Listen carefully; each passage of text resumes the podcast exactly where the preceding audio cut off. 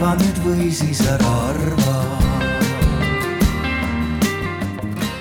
mul on väga hea meel, et olete tulnud Paidesse arvu, arvamusfestivalile Söe ja rahu alale. alustame täna äh, kohe kõigepealt rääkides fotodest.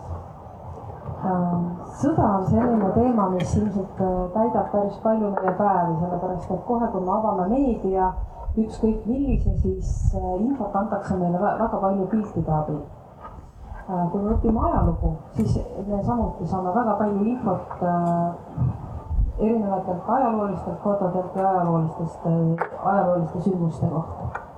aga selleks, et teada, kuidas tänapäeval tegelikult toimus ja sellepärast, et me oleme väga suure, suures sellises nagu infovoos me näeme väga erinevaid kaadreid, väga sageli neid kaadreid ei ole teinud isegi mitte fotograaf või inimene oma kaameraga, me näeme väga palju selliseid asju, mida on hoopiski pildistanud mingisugused strateegilised sõjamasinad. ja sellegipoolest need fotod ei ole mitte kasutuseks ainult professionaalidele, vaid need on väga oluliseks vahendiks ka vaatajatele, lugejatele. nii enne seda, kui me jätkame, pean ma ütlema ühte asja. kuna me räägime siin sõjast ja rahust ja, ja fotodest, siis äh, me näitame fotosid. Äh, mõned nendest fotodest on väga häiriva sisuga, väga kurva sisuga. ja ma ei ole kindel, kas me saame tingimata enne iga fotot veel kord ette hoiatada, kui tuleb natukene karmim kaader, aga sellega peab vist arvestama. nii, aga üks, üks mure on veel, jubedalt kajab. ahah, väga hea, aga teeme nüüd edasi niimoodi. et äh, mina annan äh, tutvustuseks edasi mikrofoni siin Toomas Järvetile, Annika Haasile, Marge Monkole ja Erik Proosesele kes kõik saavad rääkida sellest, millega nad täpselt tegelevad, kuidas nad on fotoga seotud ja kuidas nad on selle sõja ja rahu fotoga seotud. tere, kajab tõesti kaunilt. mina siis Toomas Järvet, esindan siin Juhan Kuusi Dokfotokeskust. olen selle keskuse kaasasutaja ja ka kuraator. aga noh, väike organisatsioon, tegeleme kõigega. et et ähm, kuidas äh, ma olen seotud piltidega võib-olla kõige rohkem tänasel päeval äh, nii, et äh, me valime kuraatoritena näitustele fotosid valime erinevaid teemasid, mida käsitleda ja kuidagi, kui ma nüüd mõtlen, et mida me oleme viimase kahe aasta jooksul isegi lühemal perioodil teinud, siis kuidagi on juhtunud niimoodi, et suht värskelt on meil olnud ka siis kaks selleteemalist või haakuvat näitust. üks oli äh, suht selline nagu parafraseering tänasest äh, pealkirjast äh,, oli siis Kodu ja rahu kus me siis näitasime Süüria sõja, sõjatraumat fotode ja installatsiooni näol ja, ja siis hiljuti äh, eelmisel aastal siis äh, näitasime Robert Kapa mm, suuri, suuri töid, et ähm, jah, et siit ma annaks sõna edasi praegu. nii, tere kõigile, mina olen siis Annika Haas ja esindan siin äh, ühtpidi iseennast fotograafina ja teistpidi siis ka fotomuuseumit, kus ma olen kuraator. ja fotomuuseumis on päris arvestatav hulk meie kogudes siis ka kindlasti sõjateemalisi fotosid, äh, mida me seni ei ole väga isegi välja toonud, aga äh, seesama dis-, dispuut siin on kindlasti üheks ajendiks, mis on pannud sellele mõtlema, et kunagi näidata ka Eesti enda kriisifotot. aga mis seos minul endal on sõjafotodega, siis ma olen kunagi olnud väga sellises kummalises situatsioonis, see oli Liibanoni sõda ja ma ise olin sellel ajal Eesti Ekspressi fotograafina pildistamas Küprost kui üht Euroopa Liidu maad. ja see oli aasta kaks tuhat kuus, kui siis oligi see Liibanoni ja Iisraeli konflikt. ja korraga oli siis Larnaca lennuväli täis sõjapõgenikke. ja meie saime siis Birgit Püvega ülesandeks pildistada Larnaca lennuväljal olnud põgenikke, nii et mul on nagu sõjafotograafiaga lausa nagu otsene kogemus olemas. ja see oli väga kummaline hetk, sest äh, äh, sa oled korraga situatsioonis, kus su ümber on äh, inimesed, kes on äh, väga murtud, nutavad, neil on tragöödia. sina oled võib-olla eelmine õhtu seal pidutsenud ja siis see kontrast on meeletu, aga fotoaparaat toimib mingi huvitava kilbina, et kui sa tõstad selle, sul tuleb endas ületada see moment, tõsta see kaamera nagu silma ette. ja kui sa oled selle momendi ületanud endas, siis ei olegi väga keeruline pildistada seda teiste valu. nii, see on minu kogemus sõjafotoga tere, mina olen Marge Manko, ma olen kunstnik ja Kunstiakadeemia fotograafia osakonna professor.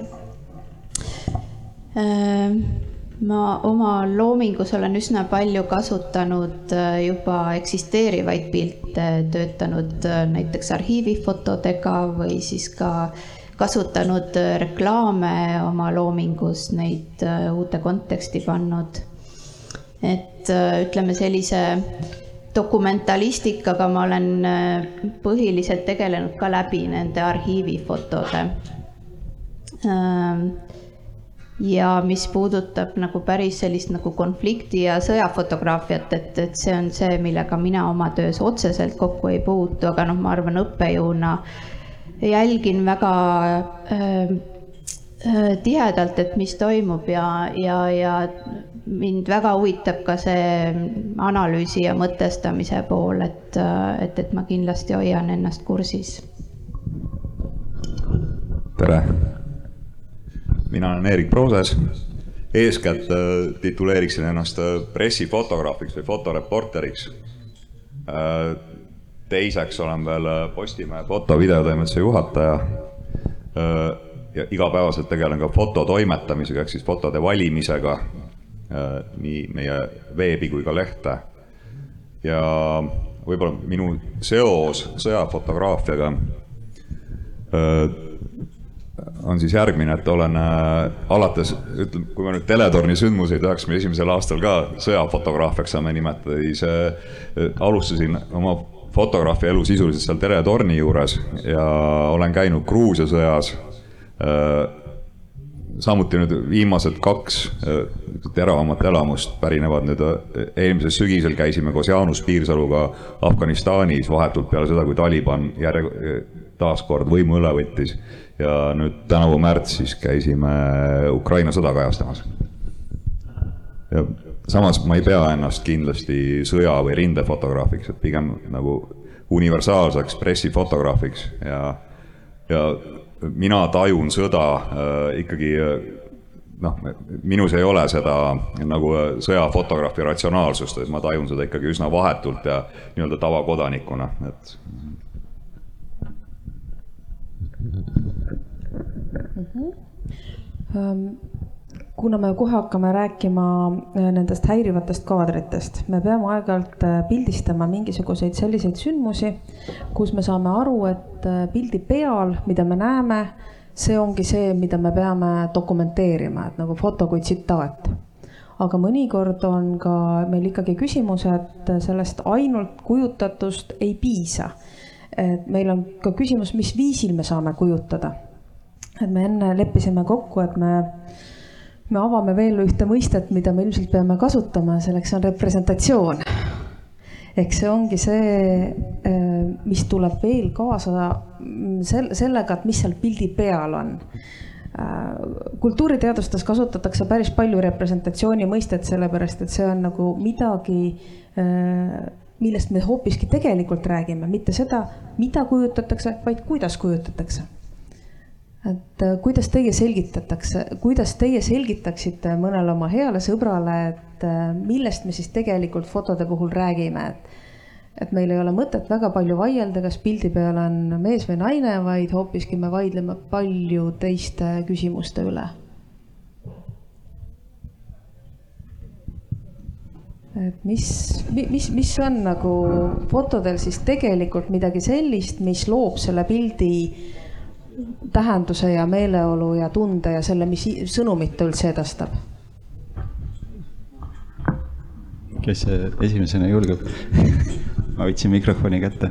ma haaraks sellest kinni, et mis sa küsisid, et täpsustavalt, et kuidas ma sõbrale räägiks, mis see on, et olles küll ka akadeemilist haridust saanud ja lausa kultuuriteooriat õppinud, siis ma olen õppinud oma elus pigem vältima neid keerulisi termineid, et mulle pigem meeldib rääkida lihtsalt ja sellisel juhul ma räägiks, et igal fotol on noh, kui me räägime fotodest just konkreetselt selle termini kontekstis, siis et iga foto taga on mitu lugu.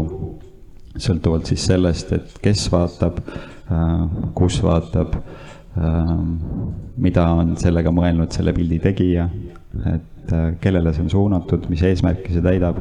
et just nimelt, et äh, see, mis me esmapilgul näeme, ei pruugi olla kogu pilt. Aga see paneb meid hirmsasti vaidlema, mina näen ühte asja, sina ütled ei, aga seal pildi taga on hoopis teine lugu. nii ongi, et äh, nii nagu me oleme kõik erinevad inimesed ja erineva taustateadmisega, me vaatame pilte erinevalt. ja küsimus pigem ongi seal, et äh, kus on tõde Eerik? ma, ma tooksin selle kohe nagu pressifoto tasandile niimoodi kiirelt ära enda jaoks, et äh, rääkides nüüd, lisades fotole äh, liitsõna pressi või ajakirjandus, siis ajakirjandusfoto puhul on äh, tegemist eeskätt usaldusväärsusega, usaldusega, et ajakirjandus, ajalehe toimetus on institutsioon. Me nii-öelda müüme usaldust ja kontekstina lisame alati kaasa fotodele ka foto allkirja, et et niisiis me anname ise sellele fotole loo kaasa, nii nagu annavad ka suured äh, lääne, ma rõhutan lääne, mitte, mitte, ühesõnaga arenenud demokraatiaga ühiskondade äh, fotoagentuurid selle tähenduse ise fotodega kaasa.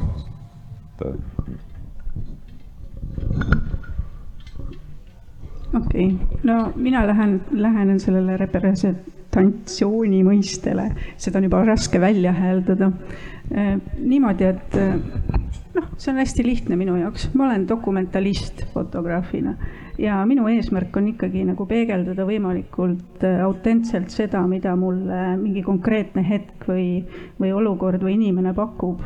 et selles mõttes ma püüan vähendada seda mitmeti tõlgendamist enda dokumentaalses praktikas Äh, aga loomulikult minu viimased projektid on seotud sellega, kus ma loon ka mingite fotoväljendusviiside abil ja meetodite abil ka siis äh, tähendusi ja sisu. Ja, aga ma ei saa garanteerida seda, et teised inimesed vaatavad neid pilte niimoodi, nagu mina olen seda kujutanud, et selles mõttes on hästi loomulik, et tekib selline äh, mõistmise mitmesus või ambivalentsus, et see on, see on nagu selle mõistega hästi palju kaasas käib.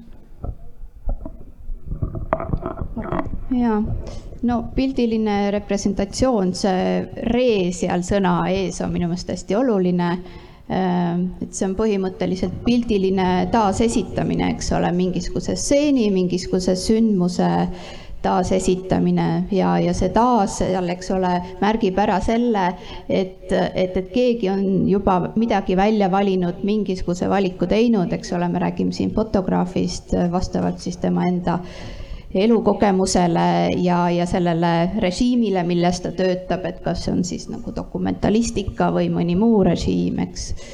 Ähm, ja siis ka kontekst muidugi, kus see pilt on avaldatud, et, et, et see ka võib väga palju seda äh, tähendusloomet muuta äh, ja muidugi, nii nagu Annika siis äh, mainis ka, et sinna juurde tuleb lõpuks ka vaataja, eks ole, kes seda taas esitus siis kuidagi ka omamoodi ja vastavalt oma kogemusele tõlgendab. ja mina lisan siia juurde veel selle, et representatsioon ei ole mitte ainult see, mis toimub pildis, vaid see on ka midagi, mis toimub tegelikult meie peas. meil on kõigil mingisugune ettekujutus millestki ja see ongi see, selle mõiste tuum või nagu see, mida me arvame, et see asi peaks olema Äh, tavaliselt koolis äh, tudengitega teen ma seda katset, et äh, mina ütlen, mõelge puu peale. et kui ma ütlen puu, siis mis teile tuleb pähe? ja tavaliselt paneme siis pildi ekraanile ja tõepoolest see, see puu see ongi. ehk et nagu see puusus on meil nagu mingisuguse kriipsujukune olemas. või et kui me mõtleme maja peale siis tavaliselt keegi ei mõtle lame katusega või mingisugusele väga peenele arhitektuuriobjektile, vaid kõik mõtlevad sellisele ilusale korstnaga viilkatusega majale. et ehk, et see ongi ka representatsioon, meil on peas olemas mingisugune ootus või mingisugune pilt millestki, mingi kujutis nii et samamoodi on meil ilmselt olemas peas ka äh, pilt siis sõjast. et mis asi sõda võib olla, kuidas seda saab ka representeerida. See, kuidas me lõpuks hakkame valima neid pilte, käib ka selle kaudu, mida me üldse peame võimalikuks, mida saab näidata selle teema raames aga ometi oleme me seda representatsiooni kujundanud ka ajalooliste fotode abil Äh, valisime koos esinejatega välja äh, mõned pildid sõja ajaloost. äkki tutvustame neid? Esimesena Roger Fenton ja Krimmi sõda tuhat kaheksasada viiskümmend viis. Äh, jah, see foto on, ma arvan, oluline just seetõttu, et see on üks või noh, mitte konkreetselt see foto, aga, aga need fotod, mis Fenton seal tegi Äh, olid ühed esimesed siis äh, ütleme sõja käigus vahetult tehtud fotod, aga kui me neid vaatame muidugi, siis äh, ütleme, sellist otsest lahingutegevust me seal ei näe. Ja, ja, ja me näeme neid maastikke, me näeme portreesid, ta on pildistanud seal siis sõdureid ja, ja, ja üksikuid gruppe Äh, ja need on väga jah, ilusad maastikufotod, ometigi need siis äh, saadeti Inglismaale ja, ja, ja tõesti trükiti ära ja, ja inimesed äh, ahmisid neid kui, kui sellist vahetut kajastust sõjast. Mis on kindlasti Fentoni fotode puhul huvitav, on see, et see oli tegelikult prints Alberti tellimus nii et see oli väga konkreetne sõjatellimus, et muuta äh, see sõda äh, Briti inimeste jaoks vastuvõetavamaks, sest tegelikult äh, Inglismaa oli kohutavalt palju kaotusi juba läbi elanud Krimmi sõjas. ja siis oli vaja kuidagi seda sõda nagu meeldivamaks teha publikule ja õigustada seda Briti armee siis Krimmis olemist. Nii et tegelikult Roger Fenton sai väga otsese reglemendi, kuidas neid pilte teha. Ja isegi need fotod, mida me siin näeme, tegelikult on lavastatud fotod, täiesti hämmastav, aga ka see eh, varjuoru pilt, seal eh, see eelmine pilt, mis oli, et seal on tegelikult need kahurikuulid sätitud, tal oli terve kari assistente, kes siis käisid ja neid eh, kahurikuule sättisid kompasse et äh, jaa, nii et ka tsensuur on käinud tegelikult kogu aeg kaasas sõjafotograafiaga ja see on huvitav omaette teema. Äh, ja esimeste fotode puhul muidugi määras ära ka selle kujutise see, et äh, fototehniline areng oli veel alles väga algeline, nii et tuli kasutada statiivi ja tegelikult lahingufotot otseselt pildistada ei saanudki aga jah, Fentonil oli ülesanne, et ta näitab pigem nagu Briti sõjaväelaste sellist minekut sinna Krimmi sellise meeste väljasõiduna.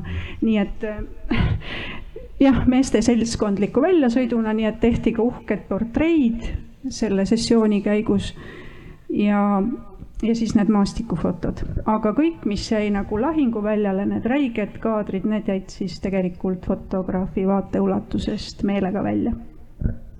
Et ma haaran Annika sõnasabast kinni, et need, need on väga kenad nagu üldplaanis nagu maastikupildid ja just nimelt äh, suuresti on see esteetika tingitud ka toonastest tehnilistest võimalustest, aga et kui nüüd hüpata mõni aastakümme edasi seal tuhande üheksasaja kahekümnendatesse, kahekümnendate kolmekümnendate vahele, mil tuli välja esimene kolmekümne viie millimeetrine Kodaki kaamera, siis äh, muutus oluliselt ka pildikeel, et äh, fotod muutusid äh, sellisteks, nagu me neid täna näeme, et nad olid dünaamilised oma esiplaanidega, et siin praegu kuvatigi seinale kapa foto, mis on nüüd kapa tõusiski nii-öelda laineharjale koos nende kolmekümne viie millimeetriste kaameratega, et siin me juba näeme sellist täna tuntavat pildikeelt ja et äh, kui enne oligi siin juttu, et äh, et, et põhimõtteliselt Bentoni ajal ja, ja kuni siis jah, kolmekümnendateni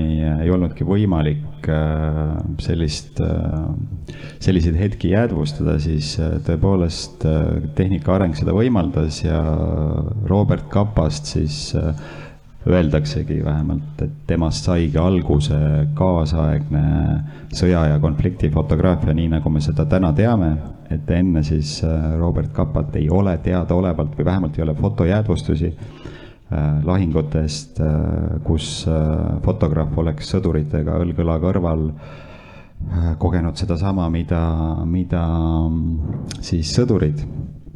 ja noh, selle fotoga ja selle seeriaga üksteist kaadrit siis vist oli see, käib kaasas ka legend, et, et et see oli ka siis hetk või äh, ka Robert Kapa elus, kus ta sai siis sõjašoki ja, ja põgenes äh, sellest olukorrast. Äh, hiljem siis tema ajaloolased on üritanud seda kuidagi siluda. Et, et need üksteist kaadrit säilisid ainult tänu sellele, et Pimiku assistent nad kuidagi üle kõrvetas aga pigem on tõenäolisem, et ta tõepoolest äh, sai siis äh, nagu sõduridki äh, sõjatrauma mhm. äh, millised äh, mõjud on veel fotodel olnud sõdade käikudele?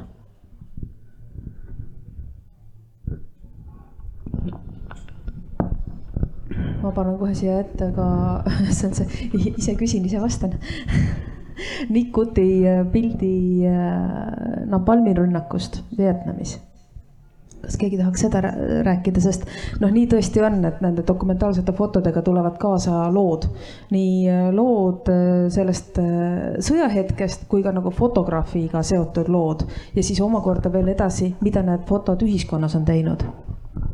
Ja ma siis alustan. ma arvan, et see on üldse üks kõige mõjusam sõjafoto Äh, sõjafoto ajaloos ja selle taga on kindlasti ka Richard Nixoni hüüatus, et äh, see foto on võltsing. et ta ei uskunud, ta arvas, et see on Vene propaganda. toonane president siis äh, USA-s seitsmekümne kolmandal aastal, aga see on foto, mis reaalselt tekitas USA vägede väljaviimise Vietnamist. aga jah, loo taust on see, et Nick Ut, siis Vietnami fotograaf, kes äh, jäädvustas äh, Vietcongi ja, ja siis äh, Lõuna-Vietnami armee kokkupõrget Vietnami ühes väikeses külas. ja siis USA lennukid pommitasid valet positsiooni, nii et tsiviilelanikud said pihta ja napalmi rünnak, mis siis äh, põhjustaski tohutu põlengu ja, ja inimesed jooksid sellest tulemellust välja ja Nikut jäädvustas selle äh, napalmi tüdruku. Äh, ja see foto on tekitanud ka hästi poleemikat veel isegi viimasel ajal, et kas seda fotot on õige näidata, kuna tegu on pildiga, kus me näeme ka siis ilma riieteta last. et kaks tuhat kuusteist üks visuaalprofessor postitas Facebookis selle foto ja siis tsenseeriti see foto Facebookist, pidades seda siis pornograafiliseks. et seal tekkis hästi suur dilemma. et siin ongi see kaheti või noh, see fotode, sõjafotode duaalsus tuleb hästi nagu esile et äh, mis on kuni siiamaani, et äh, mida me tegelikult võime näidata, mida mitte, kas meedia on show ja nii edasi, et äh, jah selle mõtte meelde, et tuleme tagasi siia, et mida võib ja mida ei või ja kuidas seda fotot nagu muudetakse, sest see on väga oluline teema. Eerik, sa soovisid ka Nikutile lisada? Annika ütles mõtted ära enam-vähem võib-olla lisaks veel nii palju, et see foto pälvis ka Pulitzeri ja neid Pulitzeri preemiaid pälvinud pilte ei ole sugugi väga palju. aga kui me proovime mõelda, et miks see on hea pilt, panin siia kõrvale ka kaadri, milline see on ilma enne nagu lõikamata. et äh, ka see, et selles samas situatsioonis üks ja sama foto võib tegelikult rääkida üsna erinevat lugu. miks on kuulsaks saanud just see kropitud foto?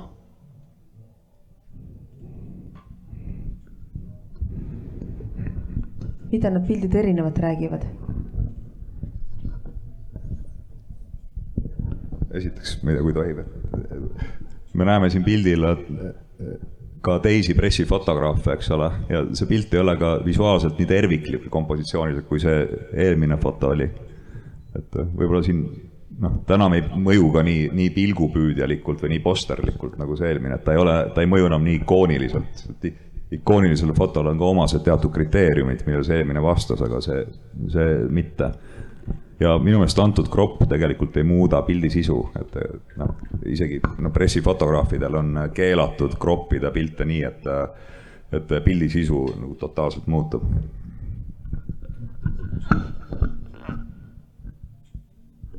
ma panengi siia kiiresti, räägime veel ühest äh, muutmise juhtumist siin on Brian Valski, Los Angeles Timesi ajakirjanik, ka pikaaegne sõjafotograaf, kes äh, Iraagist pildistas väidetavalt siis sellise kaadri. järgmisel päeval äh, kasutas äh, Los Angeles Times seda oma esikaanel. aga vaikselt hakkas lahti rulluma hoopiski probleem ehk et võrreldi inimesi sellel fotol ja selgus, oih, vabandust selgus, et see on ka kokku pandud hoopiski kahest erinevast äh, fotost. et siin me näeme Brian Valski pildistatud kahte kaadrit, nende kaadrite vahe võib olla umbes paar sekundit.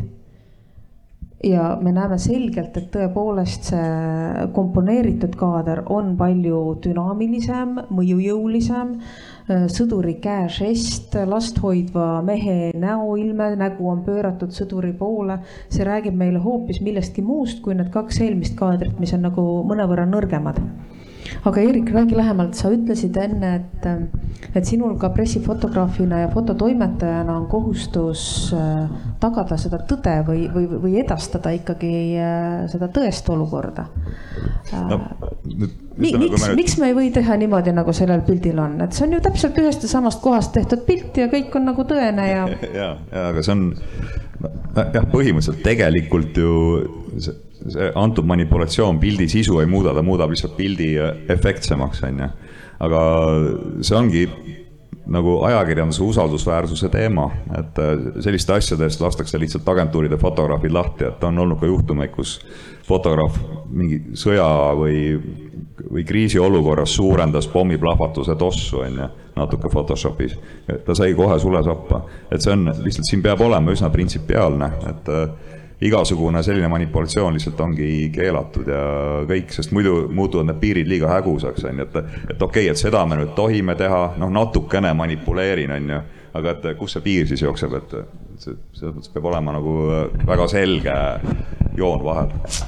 tundub, kui vaatad ka iga aasta nagu maailma pressifoto auhindade, siis äh, auhindadele järgnevat, siis äh, peaaegu iga aasta või noh, ongi iga aasta on mingi skandaal ka mõne fotoga, kus äh, on needsamad teemad õhus ma tegelikult ma ei vastanud, vabandust, Anneli küsimusele lõ, nagu lõpuni, et, et kuidas me seda kontrollime. et me kontrollime seda nõnda, et me kasutame usaldusväärseid allikaid. ehk et me võtame oma pildid ja videod ikkagi äh, nagu päris äh, agentuuridest, et äh, mit-, ja kui, kui meil tulevad mingid lugejapildid või lugematerjalid või mingid sotsiaalmeediamaterjalid, siis, siis äh, me ikkagi guugeldame need pildid enne läbi, on ju, et ja vaatame, mis noh, kuivõrd usaldusväärsed need on, kes neid veel on kasutanud ja, ja kas on juba selle pildi üle kuskil diskussioon käimas, et me päris nagu uisapäisa kontrollimata materjali ei avalda. see tähendab, et kontrollimata materjali ei avaldagi okei okay,, aga see, suurendatud plahvatuse toss ku,, kuidas see välja tuleb, et seda on suurendatud, tossuri juurde tehtud, kahurikuuli ümber tõstetud? see võib välja tulla mitmeti, et esiteks võivad selle tähelepanu pöörata kohapeal olnud kolleegid, teiseks see Photoshop, Photoshopi manipulatsioon võib olla tehtud ebaprofessionaalselt kolmandaks võib see lihtsalt kusagil sotsiaalmeedias hakata see pilt oma elu elama ja hakatakse seda analüüsima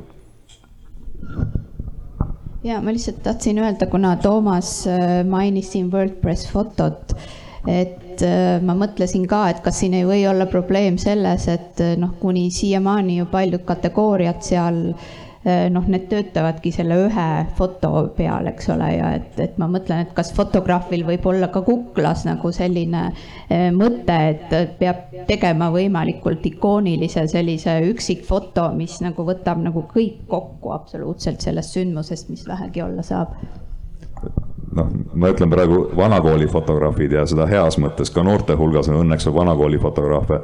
et põhimõtteliselt fotograaf ikkagi peaks otsima seda ühte ideaalset pilti, mis äh, räägib loo ära, et kuigi me elame praegu megagaleriide ajastul, äh, kahjuks, siis äh, siiski hingelt fotograafid otsivad ikka seda ühte ainukest pilti kuidas me teame pildistamise ajal, et see on nüüd see üks ja ainuke pilt, eriti kui, kui me ei räägi portreefotograafiast, lavastusfotograafiast, vaid tõepoolest äh, tegevuses, ise olles mürsušokis. kuidas? no juba, ma, ma laseks Annikal ka veel rääkida, et, et juba, juba võttekohas me tegelikult ju otsime vastuolusid ja otsime mingeid kujundeid, paneme neid kujundeid omavahel põrkama, on ju. et nagu siingi on ju tegelikult äh, noh, väga selgelt mängitud sellele nagu konfliktile, et äh, seda me otsimegi ja et, et see, et see, et pildis hakkaks mingi, mingi lugu jooksma. ma praegu õudselt tahaksin mikrofoni anda Dmitri Kotjuhile aga me, kas meil on lahtine mikrofon ka? ja ma näen, et meil on. sellepärast, et meil on ka siin, töötab mm. -hmm muide, me näitame varsti ka Dima poolt Ukrainas tehtud äh, sõjafotosid, nii et ma loodan, et Dima, sa jõuad siin lõpuni olla, saad hiljem veel. ja, äh, palun ole hea, räägi sina, kuidas, äh, kuidas, kuidas sa valid seda ikoonilist pilti, kuidas sa leiad selle? see on raske küsimus, ma arvan, et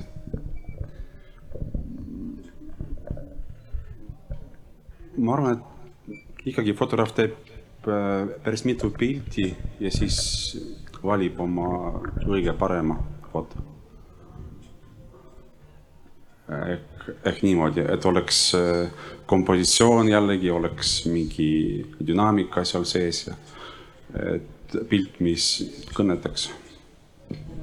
aga kuidas sa tead, et see pilt kõnetab? noh, näiteks see pilt, mis saab palju likee Facebookis no see on nali jaa, aga, aga ikkagi, et on nii okei okay,, hästi nii. Kas teistel on vahepeal veel mõtteid? millised pildid on teid kõnetanud? Millised on olnud need sõjafotode kaadrid, mis on teie arvamust ühest või teisest sündmusest täielikult muutnud? kulla, äkki sa oled armas, saad mikrofoni anda, kui tekib vajadus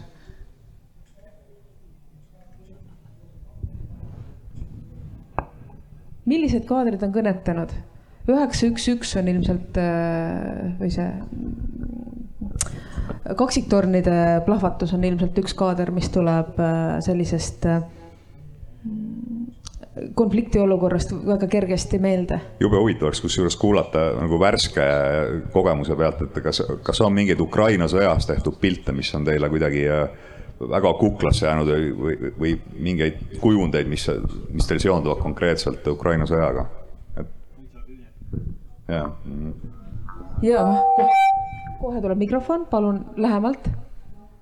ei, mul ei olegi rohkem midagi öelda, need putša, putša värvitud küüned ja millest pärast eh, noh, lugu hargnes. miks, miks just see? Eh, see oli minu meelest eh, võimas kujund ja, ja ta oli täpselt selle piiri peal, et, et fotograaf ei, ei ekspluateerinud stseeni üle, et ühesõnaga noh et see esteetika ei, ei domineerinud selle, selle dokumentaalse sõnumi ja selle jubeduse üle, et noh, et selle, selle piiri tabamine vist on väga keeruline või ütleme, see on, see on, see on nagu maitse ja tunnetuse küsimus, et ja siis muidugi need Mariupoli pildid, mis olid, olid tehtud noh, mäletame, et kus see valgus tuleb kuskilt, kuskilt laest ja, ja niisugune sakraalne viimse päeva seisund, eks, et, et noh, ka nii saab, et, et, et, et selles jubeduses teha, teha niisugust kunsti, et see minu meelest oli, oli võimas. Mm. -hmm ja siis need tõesti, et te nimetasite neid küüsi, minul on just nagu samasugune lugu ühe Butša pildi ühe saapaga, ühe ilusasti viksitud saapaga, et kus on nagu ka see, et, et me näeme mingisugust märki sellest, et, et see inimene ei arva mitte hetkekski, et tema elu sellel päeval lõpeb et midagi, mis on nagu niivõrd nagu tavaline, nii igapäevane ja see on nagu läheb hoopis teise konteksti. kas veel kelleltki mõnda pildi? jah, jah, jah, jah, jah.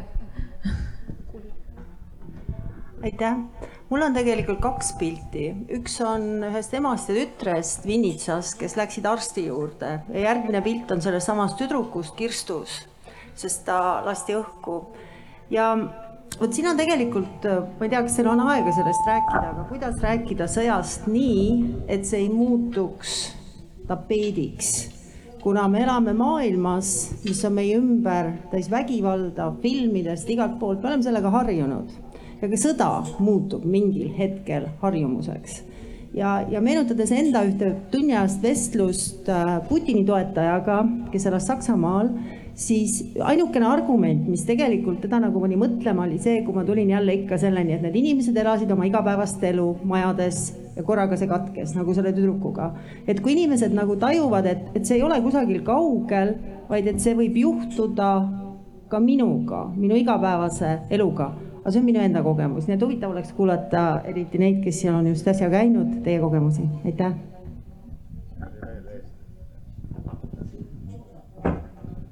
tere, aitäh uh,. minul tekkis tegelikult siin see natuke teistsugune küsimus, kuna ma olen sündinud, eks ole, kahekümne esimesel sajandil. et kuidas seesama fotograafia, noh, Ukraina nüüd kõrvale jätta korraks, et kuidas ta, ta aitab mm, kuidagi äh, luua sidet äh, asjadega, mis on juba ära toimunud, mille elu, mis ei olnud minu eluajal, et mulle tuleb meelde sõjafotograafiast või konfliktifotograafiast mingi apartheidi lõpuaegne pilt üheksakümnendatest, kus on, ma ei mäleta, kes selle autor on, aga kus on siis mees, kes põleb ja keda siis lüüakse mingi matšeetega. minu arust see oli Vikerkaares mõni aasta tagasi, keegi äkki teab um,. et võib-olla ka seal on mingid sellised momendid, kus uh, sa saad avada ka minevikku läbi selle konfliktifotograafia, olgugi et ta on mõeldud võib-olla alati hetkeks tarbimises. selles samas hetkes tarbimiseks, jah. aitäh Eerik. äkki ma räägin liiga palju juba, aga ma lihtsalt, mind väga kõnetas teie. me olemegi siia tulnud selleks, et rääkida. jah, et ma siis kiiresti räägin oma mõtte ära. et, äh, et mida teha, et äh, sõda ei muutuks tapeediks.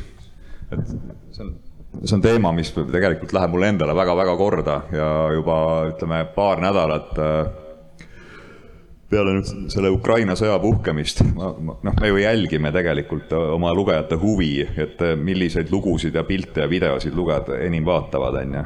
et noh, see on normaalne, me jälgime auditooriumi huvi ja ma nägin, kuidas äh, alguses see huvi plahvatuslikult tõusis, meil olid enneolematud nagu vaatajanumbrid ja kuidas see siis vaikselt hakkas vajuma ja see oli lihtsalt, ausalt öeldes see oli nagu, ma ei tea, tekkis meeleheide, et aga see ongi normaalsus nagu, nagu iga meediaskand-, meediaskandaalgi, mis on väga labane, on praegu seda meediaskandaaliga nagu võr-, kõrvutada, on ju. meediaskandaali anatoomia on ka selline, et ta tõuseb ja siis ta vajub, lihtsalt inimeste huvi vajub. et tulevad peale juba uued teemad, et noh, ma tegin emotsionaalse Facebooki postituse ka, et võrdlesin, et inimesed juba räägivad inflatsioonist, on ju, ja deflatsioonist ja, ja mingitest ja mis oli veel huvitav, et The Guardian näiteks hoidis äh, Ukraina sõda pidevalt äh, oma kõige ülemises veebiaknas on ju. aga nüüd on see juba ka läinud siukse teisele või kolmandale kohale. ERR-is samamoodi e,. No, paar päeva tagasi ERR-is Ukraina sõda liikus allapoole. ja ega Postimehes ei ole ta ka alati nagu kõige magusama koha peal, vaid ikkagi ka aeg-ajalt läheb üles ja siis jälle alla ja üles on ju, et ja nii see paraku on aga see näitab ka seda, et tegelikult me peaks äh, leidma uusi nurki, kuidas äh, sõda ikkagi kajastada, et ta fookuses oleks. Äh, ja tegelikult on üks viimase aja juhtum täiesti eriline ja need on siis muidugi Vogue'i kaanel ilmunud Annie Leibovitsi pildid presidendipaarist. no esikaanel oli siis Olena üksinda aga need on selles mõttes täiesti erilised pildid, et see avab sõjateemat mitte šoki vaatenurgast, vaid siia on sisse toodud esmapilgul võib-olla kohatuna näivad detailid. Mina vaatasin neid pilte, ma tunnistan, vaatasin neid alguses mingi teatud vastuoluga, aga ma olen muutnud oma arvamust neid pilte nagu jälgides, mis nendest on saanud ja kuidas nad on mõjunud ühiskonnas. miks see sulle nad... alguses vastuolu tekitas? jaa, tekitaski see, et kuidas nagu ajalooliselt selliseks mm, elitaarseks ja rikkaid siduvaks ajakirjaks nagu Vogue, mis esindab sellist fantaasiamaailma, et kuidas nüüd sellisele ajakirjale on siis ilmunud kaanele sõjas oleva riigi esileedi. Et seal tekkisid mingisugused esteetilised, eetilised ja ka vormilised vastuolud, sest kui ma vaatasin neid pilte lähemalt, ma nägin seal teatud nüansse, mis kuuluvad hästi palju nagu moefotograafiasse. et massidele ma saan väga hästi aru, et tekitab, tekitavad need pildid kohe nagu vau-efekti. aga noh, ongi, siin on see, et ma olen fotograaf ja ma analüüsin võib-olla pilte rohkem ja ma nägin seal detaile, mis nagu ei olnud minu jaoks nagu kohased. Räägi lähemalt, mis detailid need on, sest äh, siin me tulimegi nüüd sellesama representatsiooni küsimuse juurde, et me küll näitame sõda, aga me teeme seda mingisuguses teises võtmes jah, et eh, noh, kasvõi see kena paaripilt seal, et no tõepoolest me näeme, et eh, silmad on meeleheidet täis, eh, aga kui sa nüüd libistad silmadelt alla Olena huulte peale nagu oma pilgu, siis sa näed, et need huuled on ikkagi moefotolikult niimoodi paotatud. et see on minu jaoks nagu mingisugune detail, mis on nagu sellisesse klassikalise, saad sa näidata? nagu moefoto sellisesse visuaalsesse keelde nagu sisse kätketud. ja sealsamusel või siis moefotolikult ette lükatud mehe käsi, kus nagu me näeme ka mänglemas sellist veresoont ja musklit, et mina arvasin kohe alguses, et ma tahaks näha rohkem nagu loomulikkust siis võib-olla töötaks need fotod rohkem. aga, aga reaktsioon nendele fotodele nagu läänes oligi hästi vastuoluline, mis tekkis. aga ma olen hästi palju nagu vaadanud neid pilte uuesti ja ma saan aru, et need on tegelikult äh, selles samas sõja tapeedistumise kontekstis on need väga rajud pildid ja nad tõstavad uuesti selle teema fookusesse ja äh, isegi kui need fotod äh, tekitavad vastuolu, siis leidub kindlasti nende inimeste hulgas, kes neid pilte vaatavad, nad, nad loevad selle artikli läbi ja mis on ka hästi oluline, et see tekst sealjuures, et need tek-, see tekst avab ka neid fotosid äh, ja neid sümboleid äh, seal fotodes nagu väga hästi.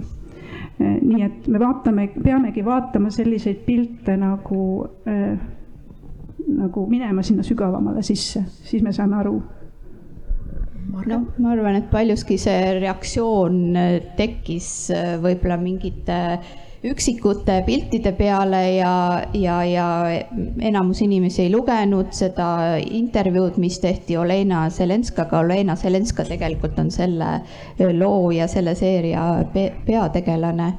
Ja ma arvan, et see kaane foto, mis küll trükis ei ole veel ilmunud, aga veebis ainult, aga, aga see minu meelest töötab suurepäraselt, see ja kui sa ütled, et töötab, mis sa pead silmas?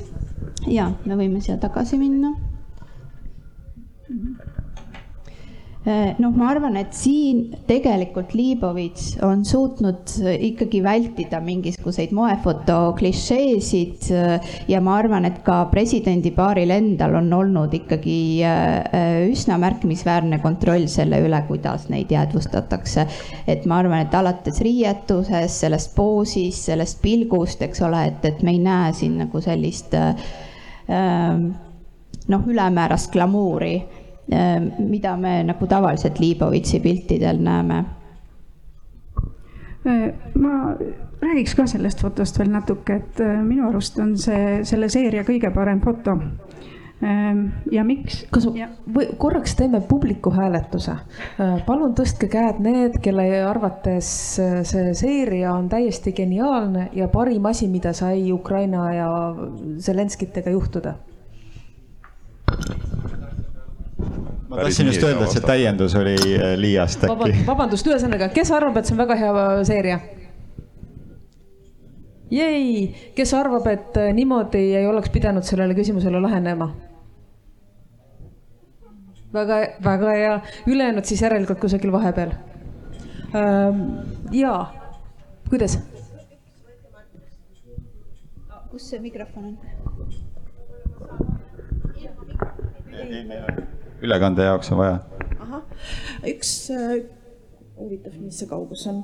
üks lühike väike kommentaar, et minu arust see, ma võin pikalt rääkida portreedest ja moest ja nii edasi, aga mis on märkimisväärne ja oluline siin mainida, on see, et äh, see on teatud äh, läänemaailma jaoks äh, figuuride või tegelaste kanoni kanoniseerimine ehk siis selle viimase poole aasta jooksul need on maailma liidrid või siis maailma Äh, kangelased, on ju. ja see on nagu viis, kuidas neid nagu tutvustada selle läänemaailma tarbijale, laiemale maailmale ja kuidas neid nagu nii-öelda panna selle kangelase nagu ähm, kohta, et see on minu arust see on nagu väga äh, selline selle läänemaailma äh, läbimõeldud äh, käik, kuidas seda tehakse, et see, kui ma, kui ma näen nagu uudiseid Zelenski presidendi kohta ja ta tuleb nagu nii-öelda publiku ette videos selle mm, ja ülekanne kaudu, siis, äh, siis enamus neid nagu poliitikud tõusevad nagu üles ja plaksutavad, et ma, ma, mul ei tule ette, mis on meie viimase aja jooksul on nagu keegi tekitanud sellist reaktsiooni.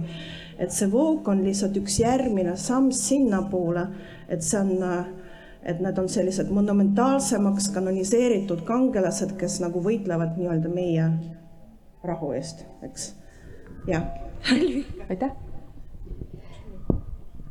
aga võib-olla, kui rääkida võib-olla veel nendest põhjustest, miks äh, see tekitas selliseid vastakaid arvamusi, siis ma arvan, et just nimelt äh, tuleb tagasi tulla selle konteksti juurde ja see on see Vogue'i kontekst, eks. Äh, ja, ja muidugi ka Liibovitsi enda looming, aga mida ma siin silmas pean eelkõige selle konteksti all, on siis see, et Vogue ju kaks tuhat üksteist aastal avaldas Süüria esileedist Äh, portreeloo, ma suutsin leida ainult sellise slaidi, mis on nagu pildistatud selle äh, paberväljaande pealt. Äh, ja, ja kogu seda teksti vist ka ei ole, see on veebist ammu maha võetud, aga ühesõnaga, see oli see periood, kui tegelikult algas Süüria sõda ja, ja ja, ja Vogue, ma ei tea siis, kas nad tõesti, kas neil ei olnud aimu, kas nad ei pidanud kellegiga nõu, äh, tegid sellise portreeloo, äh, mis oli jah, tõesti nagu üsnagi glamuurne, seal on veel üks pilt, mida ma, veebis oli hästi väikeselt, kus siis äh, pere koos lastega siis mängivad nii see president kui see esimene leedi ja minu meelest pikantseks teeb selle loo veel see, et äh, selle seeria on pildistanud James Nahtvei, äh, üks tuntumaid äh, sõjafotograafe. kuidas, kuidas sellise vastuoluga toime tulla, et meile näidatakse moeajakirjas pilte, nagu ei juhtuks midagi, aga tegelikult midagi juhtub ma arvan, et äh, kui me enne rääkisime sellest tapeedistumisest, siis see läheb, see küsimus sobib suurepäraselt, sellepärast et äh, ega sõda käib sellest hoolimata, mis iganes väljaanded ilmuvad ja sihtrühmad, kes erinevaid väljaandeid tarbivad, on erinevad. et äh, läbi Vogue'i see sõda, see lugu sellest sõjast jõuab ütleme siis teistsugusele sihtauditooriumini või teistsugusele äh, auditooriumini, auditooriumile, et selle tõttu see on just nimelt väga hea, et äh, ka Vogue on nüüd, nimetame siis justkui sekkunud äh, sõtta, eks ju, et, et, et ja, ja tänu sellele noh, mis oli ka tõenäoliselt selle presidendi PR-meeskonna üks eesmärke, jõuda teatud tüüpi mõjutajateni. kas see sekkumine vääris küünlaid? ma ei näe väga kahjustavaid küünlaid, kui seda, seda niimoodi mõelda, et pigem see diskussioon, mis on tekkinud, mul on jäänud mulje, võib-olla ma eksin, keegi parandab mind, aga aga hoolimata sellest diskussioonist või vastuoludest, mis meedias on, on kuulda olnud, siis mul on tunne, võib-olla on täitsa vale, et pigem valdav enamus on äh, selle poolt.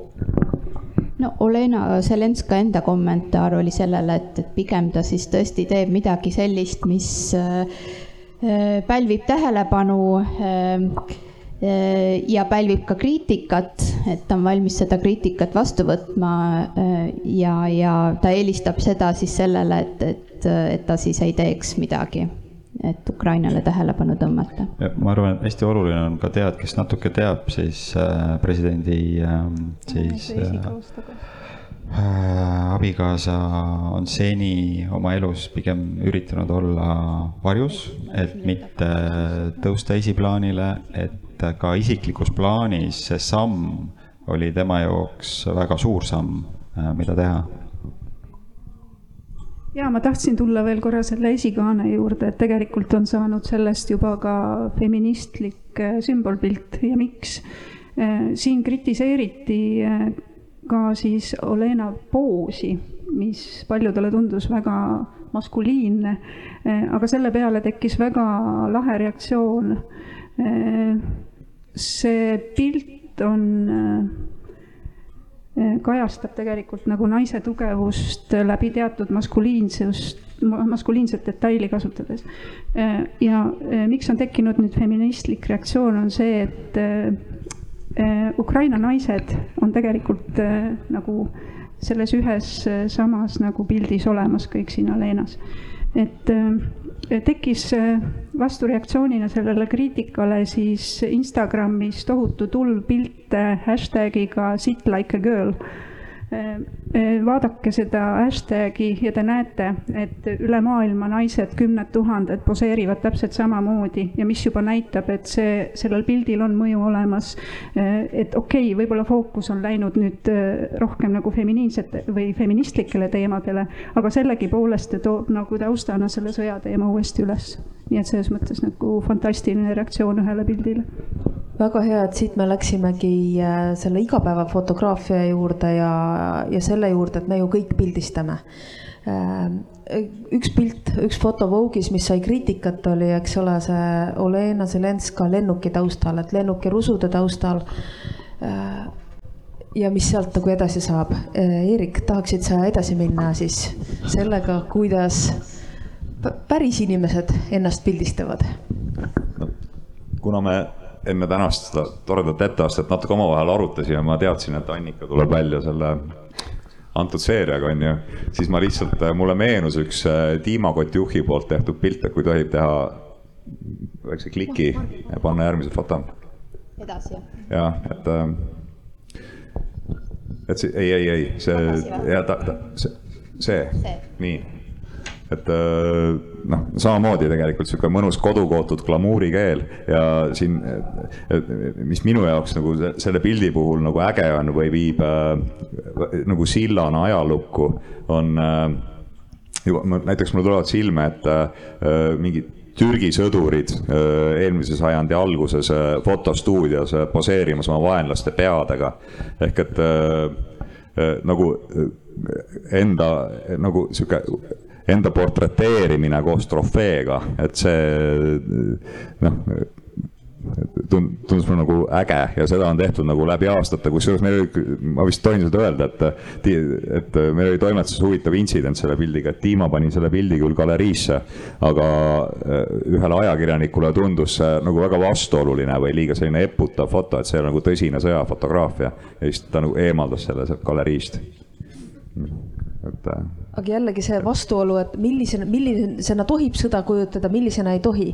et kohe, kui me näeme neid reaalseid kaadreid, kuidas vägagi familiaarselt käitutakse nende sõjarusudega, et see on ka mingisugune nagu psühholoogiline ülesaamise viis või sellest traumast ülesaamise viis Toomas, sinuga rääkisime ka natuke sellest, et äh, kuidas pildid hakkavad elama nagu oma elu või nad hakkavad looma, looma neid mudeleid, mida kasutatakse. et nii nagu Annika nimetas seda hashtag'i kampaaniat, et sit like a girl, et sellest Anni Laibovitsi seeriast läheb, läheb liikvele nagu uus pildimudel. siin on nagu selle lennuki taustal mudel, ehkki peame siin vaatama äh, kuupäeva, see on aprill kaks tuhat kakskümmend kaks. ehk siis, et see pilt oli enne, kui kui Laibovitsi pilt. jah, enne kui ma vastan sellele küsimusele kommentaarina lihtsalt, et ähm, äh, need inimesed, kes äh,, valdavalt need inimesed, kes tõstatavad selliseid küsimusi, et kas see pilt sobib äh, kuhugi konteksti või ei sobi, on, eks ju, needsamad heaoluühiskonnas lääne turvavõrgus elavad inimesed, kellel on äh, aega analüüsida ja, ja, ja üle analüüsida, et aga kes oleme meie ütlema nendele, kes elavad selles sõjašokis, et mismoodi sa tohid äh, ennast äh, jäädvustada või ennast siis sõja ajalukku jäädvustada. et, et see on ka üks, üks punkt, mida võib-olla nagu äh, arutada, ma näen, Eerikul on käsi, käsi juba püsti, et ma ütleks lihtsalt väikese, no ühesõnaga väike repliik vahele, et äh, toimetustes tekivad vaidlused äh, fotode avaldamise üle tavaliselt juhtudel, kui pilt ei ole väga üheselt võetav, et üldiselt äh, ajakirjandusele meeldib ma nii ei ütleks, mulle ei meeldi, et üldiselt ajakirjanduses töötavad alati lihtsamini siuksed ühese sõnumiga fotod, et kus on juba mingisugune kerge vastuolu või paneb kulmu kergitama et eh, siis nende puhul tekib alati meil toimetuses vaidlused ja neid on ka, tegelikult neid on ka keerulisem välja mängida, sa pead nagu kontekstualiseerima, eks ju, seal loo juures selle pildi. et lihtsa, lihtsa sõnumiga, ühese sõnumiga pilt, ta ei vaja liiga palju sõnu, aga see vajab natuke kontekstualiseerimist nii-öelda. jah, et selle tõttu on ka väga hea, seal on, kes ei näe küll eh, lugeda, eks ju, et aga seal on lugu kaasas, mis tegelikult räägib selle, selle lahti inimesele ka, et Äh, aga nüüd äh, teise äh, või noh, selle küsimuse juurde tulles, siis tõepoolest, et juba siis aegade algusest või noh, aegade algusest, fotograafia algusest või siis sõja või konflikti fotograafia algusest oleme me ju alates siis koolist, ajalooõpikutest õppinud nägema siis teatud viisi, kuidas siis sõja või konflikti fotograafiat kujutatakse.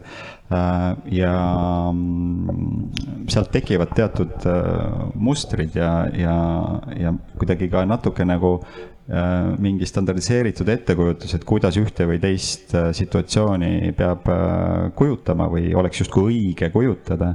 et ja, ja kahjuks siis ka, eks ju, fotograafid, kes põllul, põllul nii-öelda töötavad, ka ise langevad tihti nendeks, selleks ähm,, selle ohvriks ja, ja tihti nii tekivadki äh, kaadrid äh,, kus justkui ühte sama sümbolit uuesti ja uuesti ja uuesti taas luuakse. Et võib-olla siin on äh, näide sellest, et siin on küll ainult üks foto, et aga kes tahab, siis äh, Google'ist võib leida küll ja küll ähm, sarnaseid äh, kaadreid, mis on sellise sõjavastasuse või patsifismi üheks selliseks ikooniliseks sümboliks saanud. Et kuidas siis tavakodanikud astuvad siis sellise jõulise agressorile vastu, et oleme näinud sarnaseid kaadreid ka Ukrainast, vähemalt siis nendest Maidani aegadest. et kus seal on kirikuõpetajad justkui selles positsioonis ja, ja ka vanaemad Ähm, sõduritele ja politseinikele vastu astumas sellises, sellises äh, kadreeringus, et, äh, et jah, et, et see on see mustrite loomise teema, mida tasub ka silmas pidada, kui me vaatame pilte. Kas siin ei ole ka see roll sellel mustril, et see hõlbustab meil selle pildi lugemist? see teeb seda lugemist koha palju automaatsemaks. jah, ja teistpidi on selles ka jälle oht, et me siis ei vaevugi pildi allkirja lugema, et me arvame, et me näeme ühte, aga tegelikult, kui me loeme seal seda kommentaari, siis võib-olla, võib-olla see ei olegi nii ühene enam.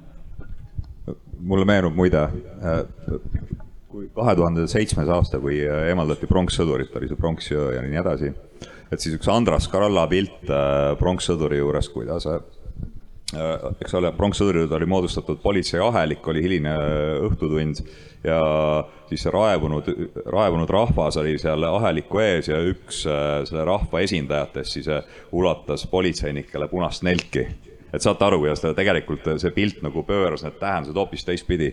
ja see pilt ei leidnud tegelikult palju kasutamist ka, sest ta ei, noh, ei toetanud seda üldist noh, toimuvat, on ju, või ta oli nagu, esindas midagi täiesti väärat või? ta oli nagu teise märgiga, et seesama situatsioon, aga ümber pööratud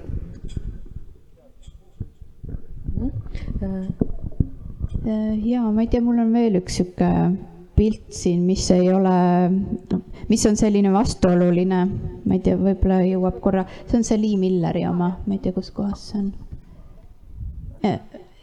jah, vot see.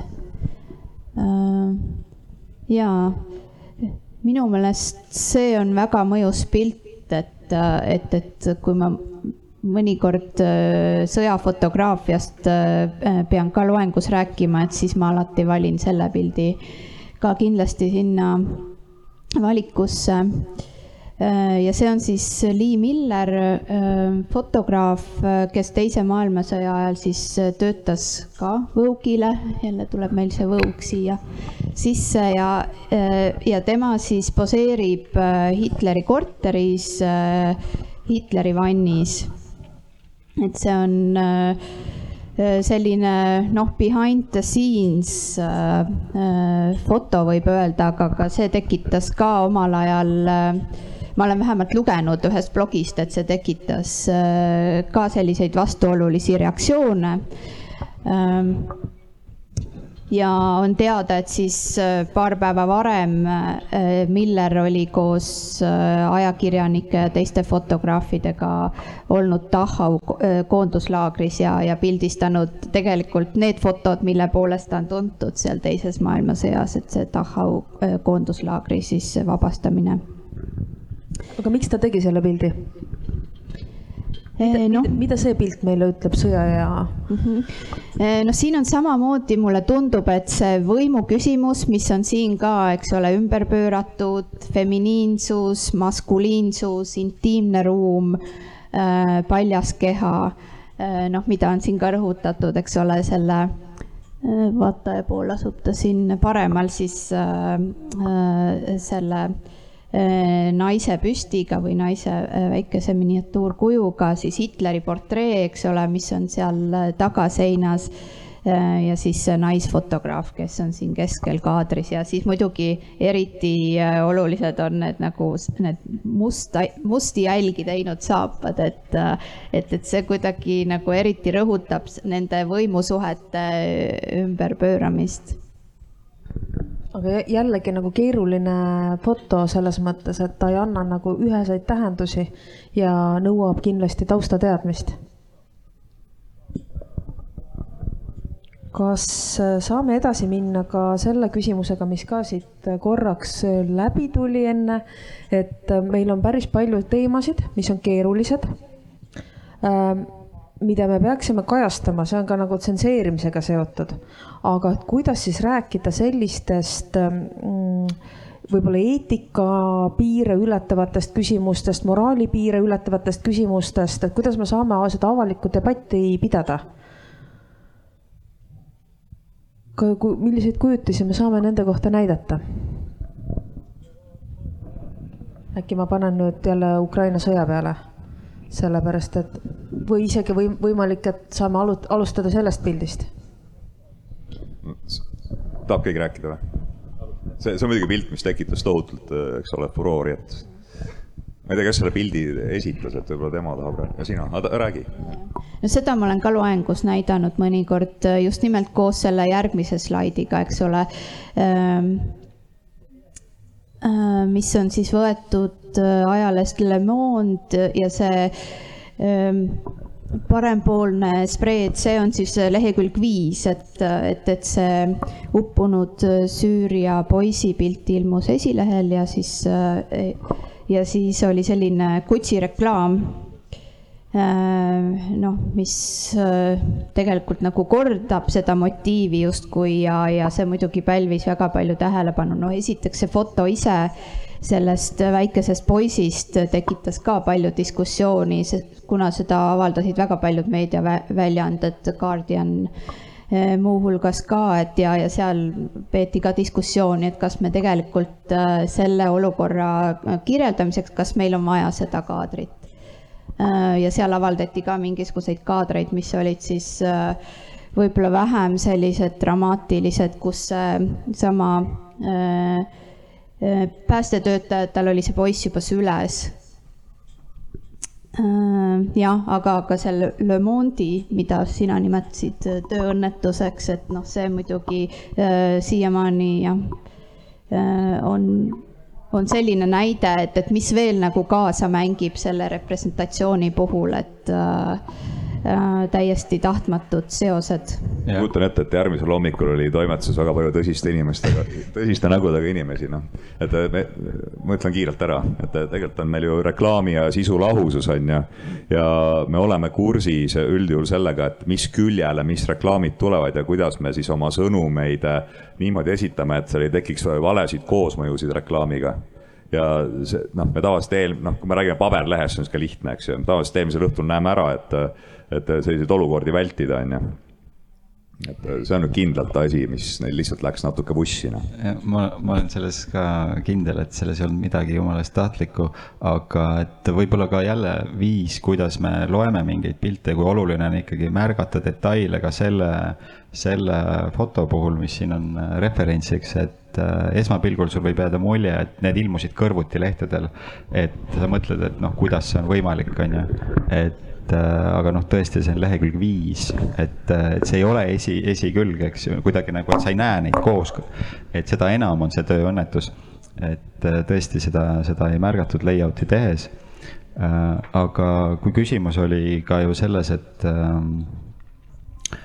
et kui siis karme või äh, jõulisi kaadreid me peame üldse nagu inimestele näitama, siis äh, mina olen selles osas enda poole pealt arvamusel, et äh, et nii karme, kui on, kui on elu, et äh, muidugi, kui on võimalik hoiatada siis äh, neid, keda, keda see võib tõeliselt traumeerida, aga siiski selleks, et äh, me kuidagi tajuksime siin mugavustsoonis äh, olles, et mis, äh, mis maailmas toimub, siis äh, meid on vaja, vaja raputada, et ma olen pigem, pigem selle, selle koolkonna eestkõneleja.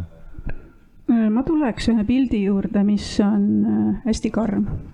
näita seda Türgi fotograafi Otspilisi pressifoto pilti. ei, edasi ei vist ikka tagasi ja vot see, et äh, see on üks huvitav fenomen äh, pressifoto ajaloos, et äh, seda pilti peetakse muideks ka ise terroriaktiks. ja miks, et see pilt tegelikult pühitseb selle terroriakti sooritanud nii-öelda märtritegu. et siin on see, see sama pilt Äh, sai siis äh, aasta pressifotoks kaks tuhat seitseteist. mis juhtub? ja tegu on siis ühe üsna rutiinse näituse avamisega Ankaras, Türgis, kus siis näitust avas äh, Vene suursaadik Andrei Karlov ja rahva seas oli ka siis oma töökohustustest parasjagu vaba noor politseinik, kahekümne kahe aastane türklane ja korraga võttis ta välja püstoli ja lasi selle, selle suursaadiku maha publiku ees. nii, aga millest siis vastuolud, noh, ta karjus ka muidugi seal, et Allahu Akbar ja, ja tuletas nagu venelastele meelde nende tegusid Aleppos, Süürias. et noh, kui see pilt ilmus, siis Venemaal peeti seda ka siis propagandapildiks Äh, aga miks ta tõsteti, tähendab, see pilt äh, sai siis aasta pressifotoks maailmas kaks tuhat seitseteist.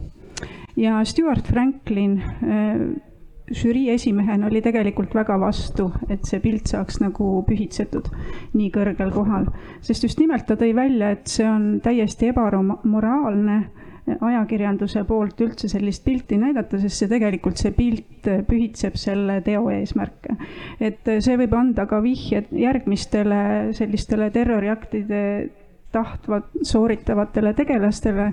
et ta ju läks ju väga teadlikult sinna üritusele, teadis, mis hakkab juhtuma ja teadis, et seal on ka kaamerad, et ta saab tähelepanu ja nüüd tegelikult ongi selline situatsioon, kus meedia tegelikult võimendab seda paha juhtumit, seda traagilist juhtumit läbi visuaali Küüniliselt, nagu See on- Brei- Breiviku piltide avaldamisest samuti keelduti absoluutselt. selles täisvormis. et isegi küüniliselt võib öelda, et äh, see oli osa, see foto on osa tema meediaplaanist, on ju. et ta oligi seda. just, just ja ta kasutab seda meediat tegelikult äh, väga hästi ära. et see on hästi vastuoluline pilt ja jällegi äh, see, miks see pilt on samal ajal ka väga hea pilt, on see, et me näeme sisuliselt, me näeme rokkstaari. me näeme nagu kedagi, kes,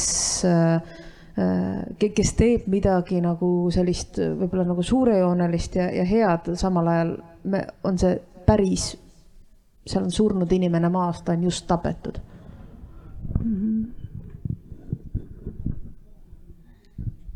kas veel mõni selline selle nagu pildi räiguse ja vastuolu näide? äkki ma küsin vahele ühe teise küsimuse, enne kui me vist lõpetame ka lõpuks Ukrainaga jälle. tahtsin küsida seda, et milline on fotograafi roll, et siin Annika, sa juba puudutasid seda, et fotograaf siin aitab terroristi plaane ellu viia ja seda ideed äh, levitada.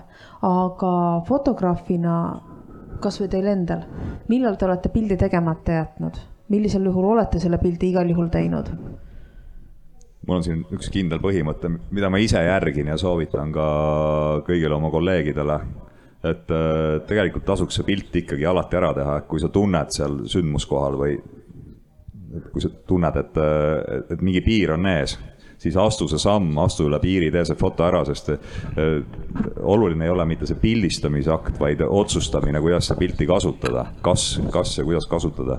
aga hiljem, kui sul seda fotot ei ole salves, sul ei ole mitte millegi üle arutada, et äh, siis on see pilt lihtsalt tegemata, on ju siin praegu ka üks ajalooline kaader ühest samuti väga kuulsast olukorrast, kus fotograaf lõpetas äh, aasta pärast selle pildi tegemist ja pärast Pulitzeri preemia saamist elu enesetapuga. ta tegi kolm kuud hiljem pärast Pulitzeri preemia saamist enesetapu ja jättis maha ka endast äh, kahetsuskirja, et ta ei aidanud seda last. ta ajas ära kotka. ajas ära kotka väga oluline on selle pildi puhul teada, et äh, ta ei olnud seal üksinda, ehk siis, et tema ei olnud selle lapse ainus õlekõrs või ainus, ainus inimene, kes oleks võinud teda aidata, vaid seal ümber oli, nad olid väga juba seal laagri lähedal ja seal ümber oli väga palju inimesi, lihtsalt see pilt on äh, noh, nagu te ise aru saate, ta mõjub paremini just nõnda, on ju.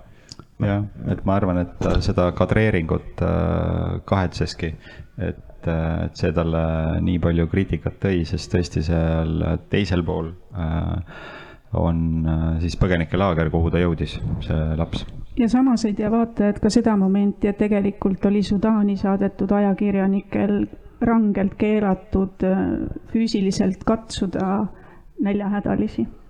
et seda nagu kritiseerijad ei teadnud ehk äh, siin tekkis see probleem, et ajakirjanikku hakati võrdlema sellesama raisakotka endaga, et, et, et fotograaf on samal ajal ka nagu seesama raisakotkas, kes nagu tahab nokkida onju selle teiste häda pealt või õnnetuse pealt nagu omale sulli ja feimi. see on lisateema veel täitsa, et äh, tegelikult üks äh, maailma ka tipp-pressi ja konfliktifotograaf Don McCullin on seda ka tagasivaatavalt enda kohta öelnud ja üldse fotograafide kohta, et, et kõik on natuke nagu vargad, et kui käivad ja, ja varastavad neid pilte justkui ja, ja viivad need, noh, ja see ongi ka otseselt varastamine, sest väga tihti nii-öelda keegi ei luba sul justkui nagu teatud kaadrit teha, sa ei tohi seda filmi välja viia, et, et sellel on ka täitsa üks-ühele tähendus, et aga, aga kui me räägime sellistest, nendest fotodest, siis võib-olla see üks Don McCullini foto sellest äh,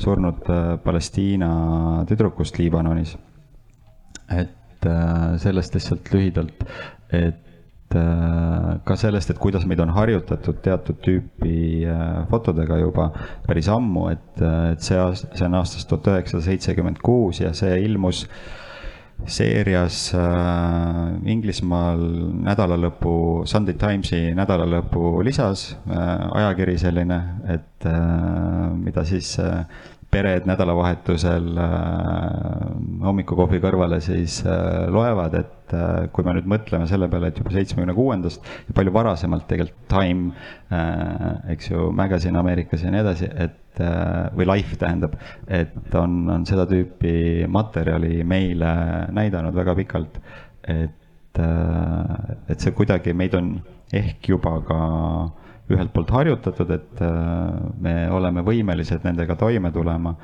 Mm, aga teiselt poolt jah, siis ongi see oht ka tapeedistuda. aga selle, sellest fotost ka, et äh, hästi, no et kuidas ta tegelikult tegi selle, et ta oli seal Liibanonis äh, ja liikus äh, siis kontrollpunkti poole äh, pildistanud juba enne seda fotot äh, jubedusi ja, ja ta kuulis ümber nurga siis, et seda mm, uudi äh, äh, mängu, mõtles, et oh, et midagi helget, et äh, lõpuks, et ma lähen selle heli suunas, et äh, ja kui ta siis jõudis sinna, sinna nurga peale ja nägi, mis toimub, siis ta muidugi sai ise šoki sellest, et see nagu on äh, nagu täiesti pea peale pööratud nagu, et äh, kui muidu noor kaunis poiss mängib uudi oma armsamale, siis äh, siin ta nagu tähistab äh, äh, samaealise siis teismelise tüdruku surma.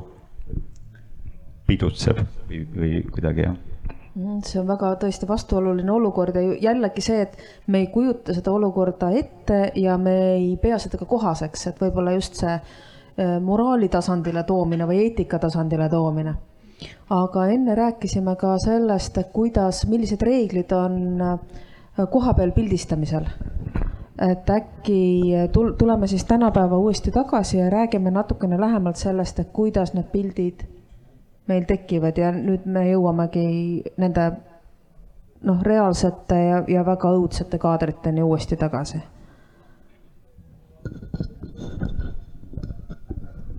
ehk äh, just, et no vabandust, mul jäi äh, see mõte, et, ähm, et mingis mõttes need pildid on ka see nagu ühe või teise poole teenistuses või et nad nagu teevad midagi ja me tahamegi, et ajakirjanikud tuleksid, et nad seda teatud viisil kajastaksid. et kuidas ajakirjanikke kriisiolukordades juhendatakse ja juhitakse? noh, tegelikult ilmselt te olete kõik kuulnud ja lugenud, on ju, et Ukraina nii-öelda propagandateenistust või neid avalikke pressiteenistusi riiklikke kiidetakse, et nad teevad väga head tööd, on ju. ja mis mind, ma ei tea, Dima on ka siin, et mind ennast koha peal võib-olla häiris see tohutu ülereguleeritus, et ma jõudsin äh, Kiievisse äh, märtsi keskel millalgi, et sõda oli siis juba mõned nädalad käinud ja just siis hakati nagu ajakirjanikele päitseid pähe seadma, et me enam ei saanud nii vabalt liikuda. et tahtsime kuskile naaberküladesse minna, mis olid äh, nagu, kus oli pommitatud, et äh, meid aeti sealt minema, öeldi, et selleks on vaja veel, me, me olime akrediteeritud, et selleks on vaja veel lisaakrediteeringuid, mille taotlemine kestis äh, circa kaks nädalat, on ju. et et see pilt minu jaoks nagu ilmestabki väga hästi seda, et kuidas, noh, mingis mõttes on ajakirjanduse töö väga hästi reguleeritud, aga teistpidi te näete ise, et need on kõik pandud nagu, nad on toodud sinna sündmuskohta kohale, sinna on jäetud need äh, surnukehad spetsiaalselt võtte jaoks ja, ja kõik nad saavad ühesugused äh, nagu ühesugused universaalsed pildid, seal ei ole mitte mingit unikaalsust. et äh, võib, aga noh, samas tõenäoliselt on see ka nagu paratamatus, on ju et äh, viimati oli tõeline ajakirjandusvabadus ikkagi nagu Vietnami sõjas kuuekümnendate lõpus, kus äh, ajakirjanikud said minna ka vaenu poolele näiteks, noh, praegu on kujuteldamatu, et, et me läheksime tiimaga Vene poolt kajastama, eks ju, et noh, et tahame näidata, kuidas Vene sõdurid tegutsevad, eks see on täiesti kujuteldamatu. et me oleme, ka ajakirjanikud on nagu, nagu vaenu pooltel, eks, et äh, nii on. hea näide oli ju sõja alguses Ukrainas, kui Vene ajakirjanikud üritasid Ukraina poolele tulla, kuidas nad äh, minema löödi hästi kiirelt. Gruusia sõja ajal üks noor Pravda korrespondent tahtis koos meiega minna nagu Gruusia poolele et, et, et noh, teda üksinda ei lastud, noh, sest ta on ju nii-öelda vaenupoole esindaja, eks ju. ja siis tahtis tulla koos meiega, ma lihtsalt ei riskeerinud teda võtta, sest oleks võib-olla segama hakanud kuidas neid reegleid nagu täpsemalt veel äh, rakendatakse, sa ütlesid, et te olite akrediteeritud, aga selleks, et minna kuhugi teise külla, pead sa ennast uuesti akrediteerima? jah, meil oli see kaitseministeeriumi, on siiamaani kaitseministeeriumi akrediteeringud Ukraina kaitseministeeriumi all aga selleks, et minna kuskile tulipunktidesse, selleks nõuti vähemalt meilt öö, tookord veel lisaakrediteeringut. Näiteks värskelt purustatud külla meid ei lubatud, samal ajal seal filmis üks Austraalia võttegrupp on ju. no ma olen nüüd natuke kriitiline, eks, vabandust, aga et mulle tundus, et tehakse valikuid ka selle järgi, et mida suurem meediaettevõte, mida globaalsem seda paremad võimalused olid, mis on ka mingis mõttes loogiline, nendel on vaja oma sõnum viia ju maailmasse, on ju. ja väikese Eesti äh, ajakirjanikele võib-olla nii kahe käega vastu ei tuldud. Ja samamoodi ma nägin, noh näiteks ma olin äh, seal Kiievis äh, komandandi, olin ajal, mil kehtestati ju komandanditunnideks, me ei saanud nii mitmelgi ööl äh, nagu hotellist välja minna, oli komandanditund. aga samas järgmisel päeval vaatasin, et äh, mingid ma ei tea, kas see oli Reuters või AP fotograaf oli siiski saanud, on ju, öösel võttel käia. et siukseid teatud erisusi nagu tehti.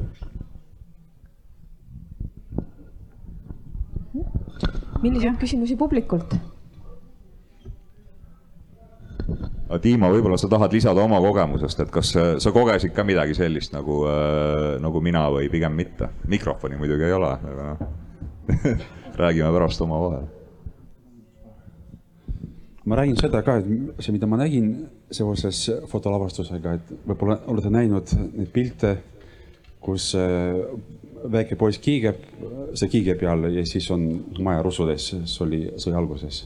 ma ei tea, kas keegi mäletab seda pilti. Et äh, ma nägin seda poissi ka ja ma nägin, kui seda pilti tehti, et lavastas tegelikult noh, ja siis äh, see pilt no räägiti ka, et noh, et alguses, sõja alguses, oh, see on äge foto, see on nagu ikooniline foto. aga siis tulid teised, teised pildid ja see pilt nüüd vajus juba ka sealt, et see oli selline moment ja siis ma imestasin, kuidas fotograafid niimoodi käituvad, et noh, julmalt võtavad last ja panevad äh, istuma kiige peale ja tehti pilte niimoodi aga seoses Eeriku selle jah, ma täiendan niimoodi, et ma, see minu ajal, ma olin ka kohe, noh, ärkasin kell viis hommikul, kui sõda algas, et ma olin seal Kiievis. aga siis äh, kolleeg Jaanus Piirsalu ütles, et äh, soovitas minna vara-vara hommikul. et siis, kui lõppes komendanditund, et kohe minna objektile, see, see, mida pommitati. ja see töötas meie puhul just, et me äh, taksosid ei käinud siis me otsisime äh, seda tuttavat autosid ja koos nendega siis kiiresti läksime ja tänu sellele me saimegi näiteks äh, teletorni juures, kui tuli kaks raketti sinna, siis hukkus viis tsiviilinimest, siis nägime neid ka, noh, see põlenud laipu ja lapsi ka.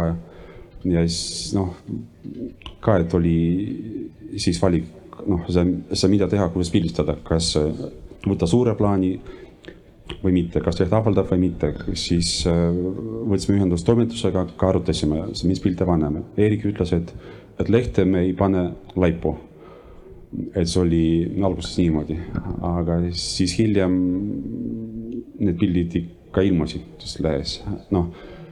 et on näha, kuidas sõda arenes, mõned fotod, et alguses oli keeld, aga pärast silm nii harjus, et noh, sai panna neid pilte juba. muide, ja väga huvitav, et et nüüd selle Ukraina sõja kajastamisega on agentuurid muutunud ka oluliselt naturalistlikumaks võrreldes varasemate sõdadega. et äh, noh, varem üritati nagu rohkem läbi metafoori nagu neid inimohvreid näidata, aga nüüd, nüüd on need ikkagi nagu kohati on nagu täitsa kohtuekspertiislikud pildid ja nüüd, kui see sõda kui, sõda puhkes, siis noh, ka toimetused olid ju šokis on ju ja, ja noh, lõpuks olimegi veendunud, et me peame näitama ikkagi nii, nagu asi on, mida me siin ilustame, on ju.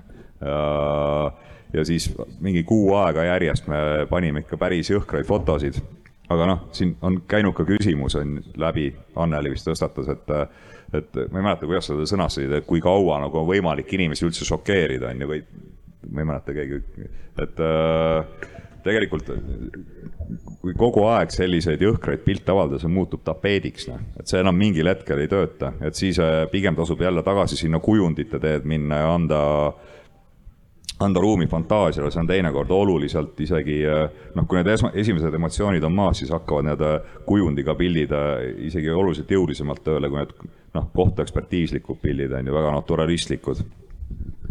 Aga siit saamegi äkki otsad kokku tõmmata sellega, et ka Dima nimetas lavastusfotot. ehk et me alustasime sellega, et sõjafoto päris osa on äh, teatud määral fake imist või nagu seda asitõendi loomist. see, et me nüüd võtame poisi, paneme kiikuma varemete vahele ja me saamegi nagu jällegi kujundi. ehk et me kogu aeg balansseerime selle vahel, et sõjafoto ei ole ka ainult dokumentalistika, vaid siin tuleb sageli ka äh, väga täpselt seda kujundit luua.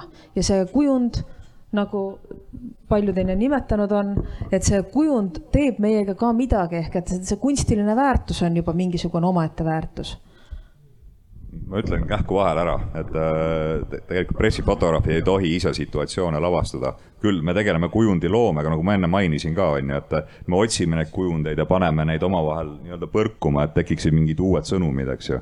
isegi mingid vastuolud, aga me, me ei, me ei, ise ei pane poissi kiikuma kuskile varemete vahele. aga kes need fotograafid siis olid, kes panid? no no erinevaid, noh, ka pressifotograafide hulgas on erinevaid inimesi, tegelikult see eh, on ametieetikaga vastuolu. just, et kui see foto oleks eh, näiteks eh, saanud mõne WordPress fotoauhinna, siis oleks kindlasti, ma arvan, et ka sina oleksid tundnud vajadust sellest raporteerida, et see ei ole päris nagu korrektne, et seal tulevadki mängu need, need eetilised küsimused selgelt tegelikult Toomas, ma tahtsin sinu käest küsida, sa oled Dokfoto keskuse asutaja yeah.. et kuidas teie defineerite dokfotot? jälle äh, võiks rääkida pikalt, aga tegelikult äh, nii nagu elu on. aga see elu sisaldab ju ka. ei muidugi, just nüüd ongi see pikemalt rääkimise teema ja, ja meie oma keskuses äh, ka oleme mänginud äh,, olnud ka paindlikud et sõltuvalt siis näitusest ja sõltuvalt teemast, et Annika tõi siin välja, Annika näituse tegime, kasvuhooneefekt, kus on ilmselgelt tegu äh, kunstilise dokumentalistikaga, et ja, ja see on väga okei okay,, et ma arvan, et üks oluline asi on ka, et kuidas autorid ise oma töid siis, kui üldse tahavad, siis grupeerida ja, ja mis on need lood sealjuures ja mida nad räägivad, et et dokumentalistika puhul ma arvan, oleme ammu ehk juba kõik vähemalt praktiseerivad äh, fotograafid ja ka, ka teoreetikud aru saanud, et sellist puhast dokumentalistikat äh, ei olegi olemas. et äh, kõik on ju subjektiivne, et ka kuigi jälle justkui dokumentaal- ja pressifotograaf üritab alati tõde edasi anda, et aga see on ikkagi subjektiivne tõde, et, et see on selle ühe poole, ühe valitud kaadrinurga sellest situatsioonist, see, see konkreetne tõde. et on veel mitmeid erinevaid, eks ju, et ähm, aga ikkagi, ikkagi see on nagu päris elu, päris inimesed, äh, nii nagu elu on. Prima, palun veel küsimusi. meil on äkki kas neli viimast minutit kommentaare?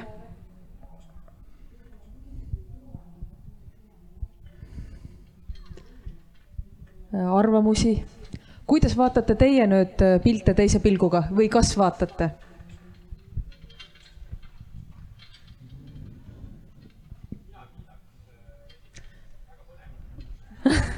seda tahaks küll mikrofoni kuulda. ja et mina kiidaks esinejaid lihtsalt tõesti esiteks niisugune kiirkursus äh, sõjafotograafia ajalukku ja teine pool nagu selles ka, et ma ei tea, ma ei oleks tahtnud neid asju näha, mida mõned teist näinud on. aga oluline, et nendest asjadest räägitakse ja, ja peabki väga julmalt rääkima. aitäh see läks ära, no nii, aga veel mõtteid? kahe minuti jagu veel mõtteid. Laura, sa ära naera, räägi mõtteid.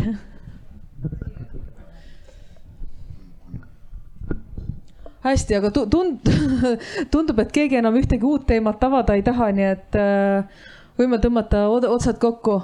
aitäh, äh, Prooses, Marge Monko, Annika Haas ja Toomas Järvet rääkimast äh, dokumentalistikast, sõjast, fotograafiast ja sellest, kuidas me neid pilte saame, teeme ja vaatame. aitäh kuulajatele. aitäh Kokule seda lava organiseerimast. selge see, et ega kõike teha.